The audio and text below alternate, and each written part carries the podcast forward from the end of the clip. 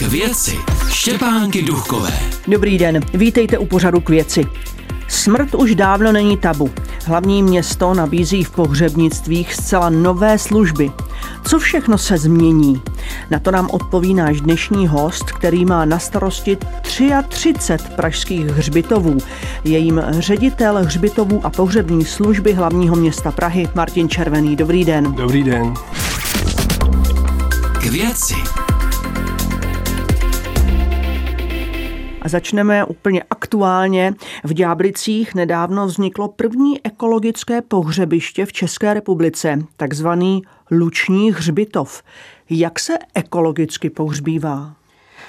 Tak eh, primárně jde o to, že eh, tenhle hřbitov je určen pro pohřby těl v rakvích do země, to znamená pro nespopelněné ostatky, takže už to je eh, k přírodě šetrnější, když neproběhne ta kremace.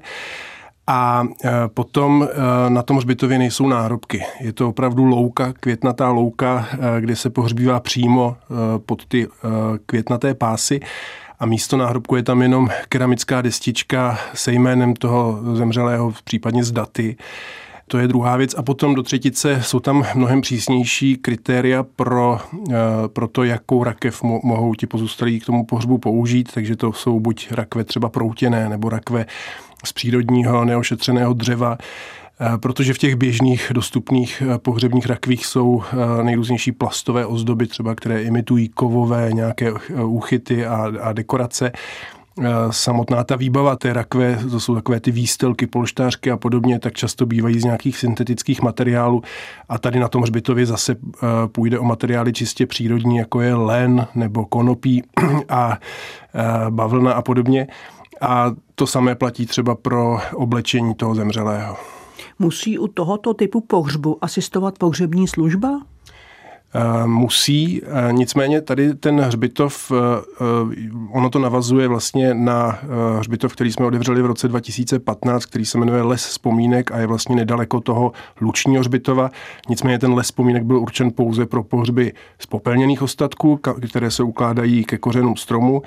A jak ten les, tak ta louka jsou spojené nejenom s tou ekologií, ale i s tím, že eh, se snaží ukázat tu vlídnější tvář těch eh, pohřebních obřadů, snaží se nebo iniciují vlastně ten, to zapojení samotných těch pozůstalých, eh, kteří už nejsou tolik odkázáni na tu pohřební službu.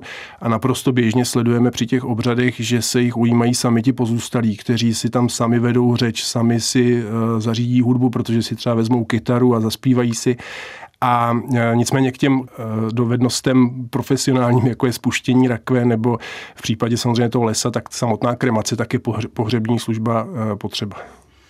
A znamená to tedy, že když chci přinést květinu, třeba když jsou dušičky nebo věnec, tak to položím k té keramické desce?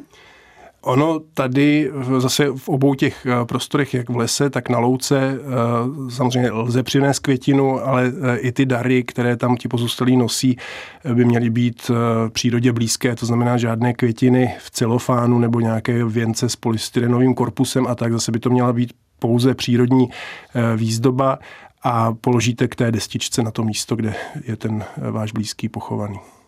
A liší se cenově eh, tyto pohřby od těch klasických pohřbů v obřadní síni?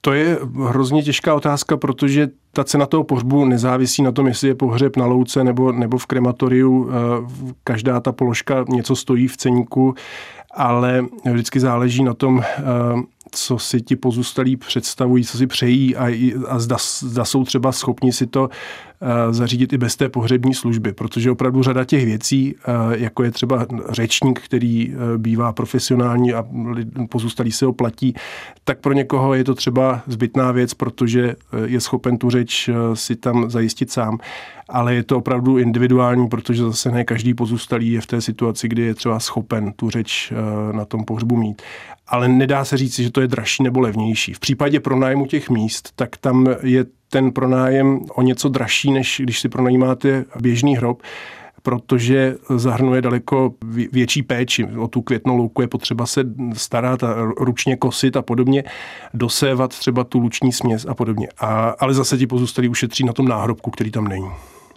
Když je luční hřbitov zasypaný sněhem, takovém případě se tady nepohřbívá, je to jenom sezónní záležitost? Tak jako, jako všude na všech hřbitovech lze pohřbít za jakéhokoliv počasí. Samozřejmě nese to sebou určité těžkosti, protože když je zmrzlá země, tak se v ní daleko hůře kope, ale tu zimu prostě tam jenom nebudou ty květiny, bude tam třeba ten sníh, ale pohřbít tam lze kdykoliv. Luční hřbitov je v provozu pár týdnů teprve. Jaký je o něj zájem? Překvapivě ten zájem je. My jsme, my jsme trochu čekali uh, zájemnější, protože jsme předpokládali, že zájem budou mít zejména ti lidé, kteří tu situaci řeší, kteří, potřebu, kteří potřebují pohřbít uh, nějakého svého blízkého, ale uh, už teď se hlásí zájemci o místo, kteří ještě zdaleka nejsou v situaci, že by sami pro sebe nebo pro nějakého svého příbuzného potřebovali hrob, ale chtějí si prostě zajistit místo v projektu, který se jim líbí. K věci. Naším dnešním hostem je ředitel hřbitovů a pohřební služby hlavního města Prahy Martin Červený. Další novinka, ta je u Strašnického krematoria a je to takzvaný pohřební ateliér. Jaký nabízí způsob posledního rozloučení? Tak ten pohřební ateliér bych mohl popsat jednak jako krásný prostor, který vznikl v bývalém hrobnickém domku, historické stavbě, která kdysi sloužila jako příbytek hrobníka a potom dlouho neměla využití. A ten prostor jsme nadizajnovali tak, aby poskytoval těm pozůstalým uh, takové nějaké příjemné, esteticky uh, přijatelné a bezpečné prostředí. A druhá věc jsou, je ten software toho, uh, tohohle projektu, to jsou ty samotné obřady. Ty přichází s řadou různých drobných inovací. Například jednak je to sjednávací kancelář, kam si lidé mohou přijít ten pohřeb vůbec jednat. Potom je to, řekněme, e, jakási výstava nebo showroom e, toho pohřebního sortimentu od uren přes rakve, přes parté, květiny a podobně, kde lidé uvidí to, co v běžných sjednávacích kancelářích pohřebních služeb nenajdou. Často je to zase s akcentem na tu udržitelnost anebo prostě na kvalitní design. A potom to slouží taky jako místo k samotným obřadům. A e, tady, tady trošku říkáme, že, že to je vlastně trochu náhražka toho, co dřív představovali domy smutku, zejména na vesnicích, kde e, když někdo zemřel, tak v tom domě trávil ještě třeba dva dny, dvě noci a sousedé a příbuzní se s ním chodili loučit vlastně k tomu e, smrtelnému loži a odehrávali se tam jakési rituály a ti pozůstalí tam eh, drželi stráž a, a, a sousedi si tam dali třeba skleničku a podobně. A e, to dnes e, už není úplně e, nejenom obvyklé, ale často ani možné, protože těžko si představit, že někde v paneláku budete mít takovouhle, tak, takovýhle obřad, takovéhle rozloučení. A ti pozůstalí si vlastně můžou k tomuhle účelu půjčit ten pohřební ateliér, který zase nabízí několik místností, včetně místnosti, které říkáme pokoj, kde, je, kde může být ten, ten zemřelý, pokud o to ti příbuzní stojí a můžou si tam s ním chodit eh, loučit, můžou se oni eh, třeba postarat, eh, upravit ho, obléknout, pokud sami chtějí. Pak je tam největší místnost, kde se odehrává to vzpomínání, to rozloučení, můžou si tam pozůstalí pouštět třeba nějaké záběry ze života toho zemřelého a nebo nějakou hudbu a podobně, ale je tam třeba i kuchyň, takže když mají zájem tam mít nějaké občerstvení, eh, tak eh, to není problém. A pak je tam řada dalších místností, které můžou sloužit třeba pro děti, protože často na ty pohřební obřady děti nechodí, aby ten pohřeb třeba nějak nenarušovali, anebo protože pozůstalí mají strach, že by to pro ně mohl být nějaký nepříjemný traumatizující zážitek a tady mají vlastně de facto hernu, kde, kde můžou trávit čas, aniž by se nudili na na, pohřbu v krematoriu. Na 2. listopadu připadá svátek zesnulých, neboli dušičky, no a ono už se nám to zase blíží. Kolik v těchto dnech na hřbitovi v Praze přichází lidí? Je to jak na který hřbitov, ale eh, podle měření dat mobilních operátorů, které proběhlo před několika lety, se ukázalo, že nejnavštěvovanějším hřbitovem v republice jsou skutečně Olšanské hřbitovy. A já teď nemám přesné číslo, ale byly to vyšší desítky tisíc, eh, které na ty sváteční dny na ten hřbitov přišly. Takže dá se asi říct, že na každém tom hřbitově se ta návštěvnost násobí v řádech desítek, takže pokud na Olšanský hřbitov běžně přijde 300 lidí, tak tentokrát to může být třeba 30 tisíc lidí. Jaké jsou s tím spojené komplikace s takovýmto náporem návštěvníků?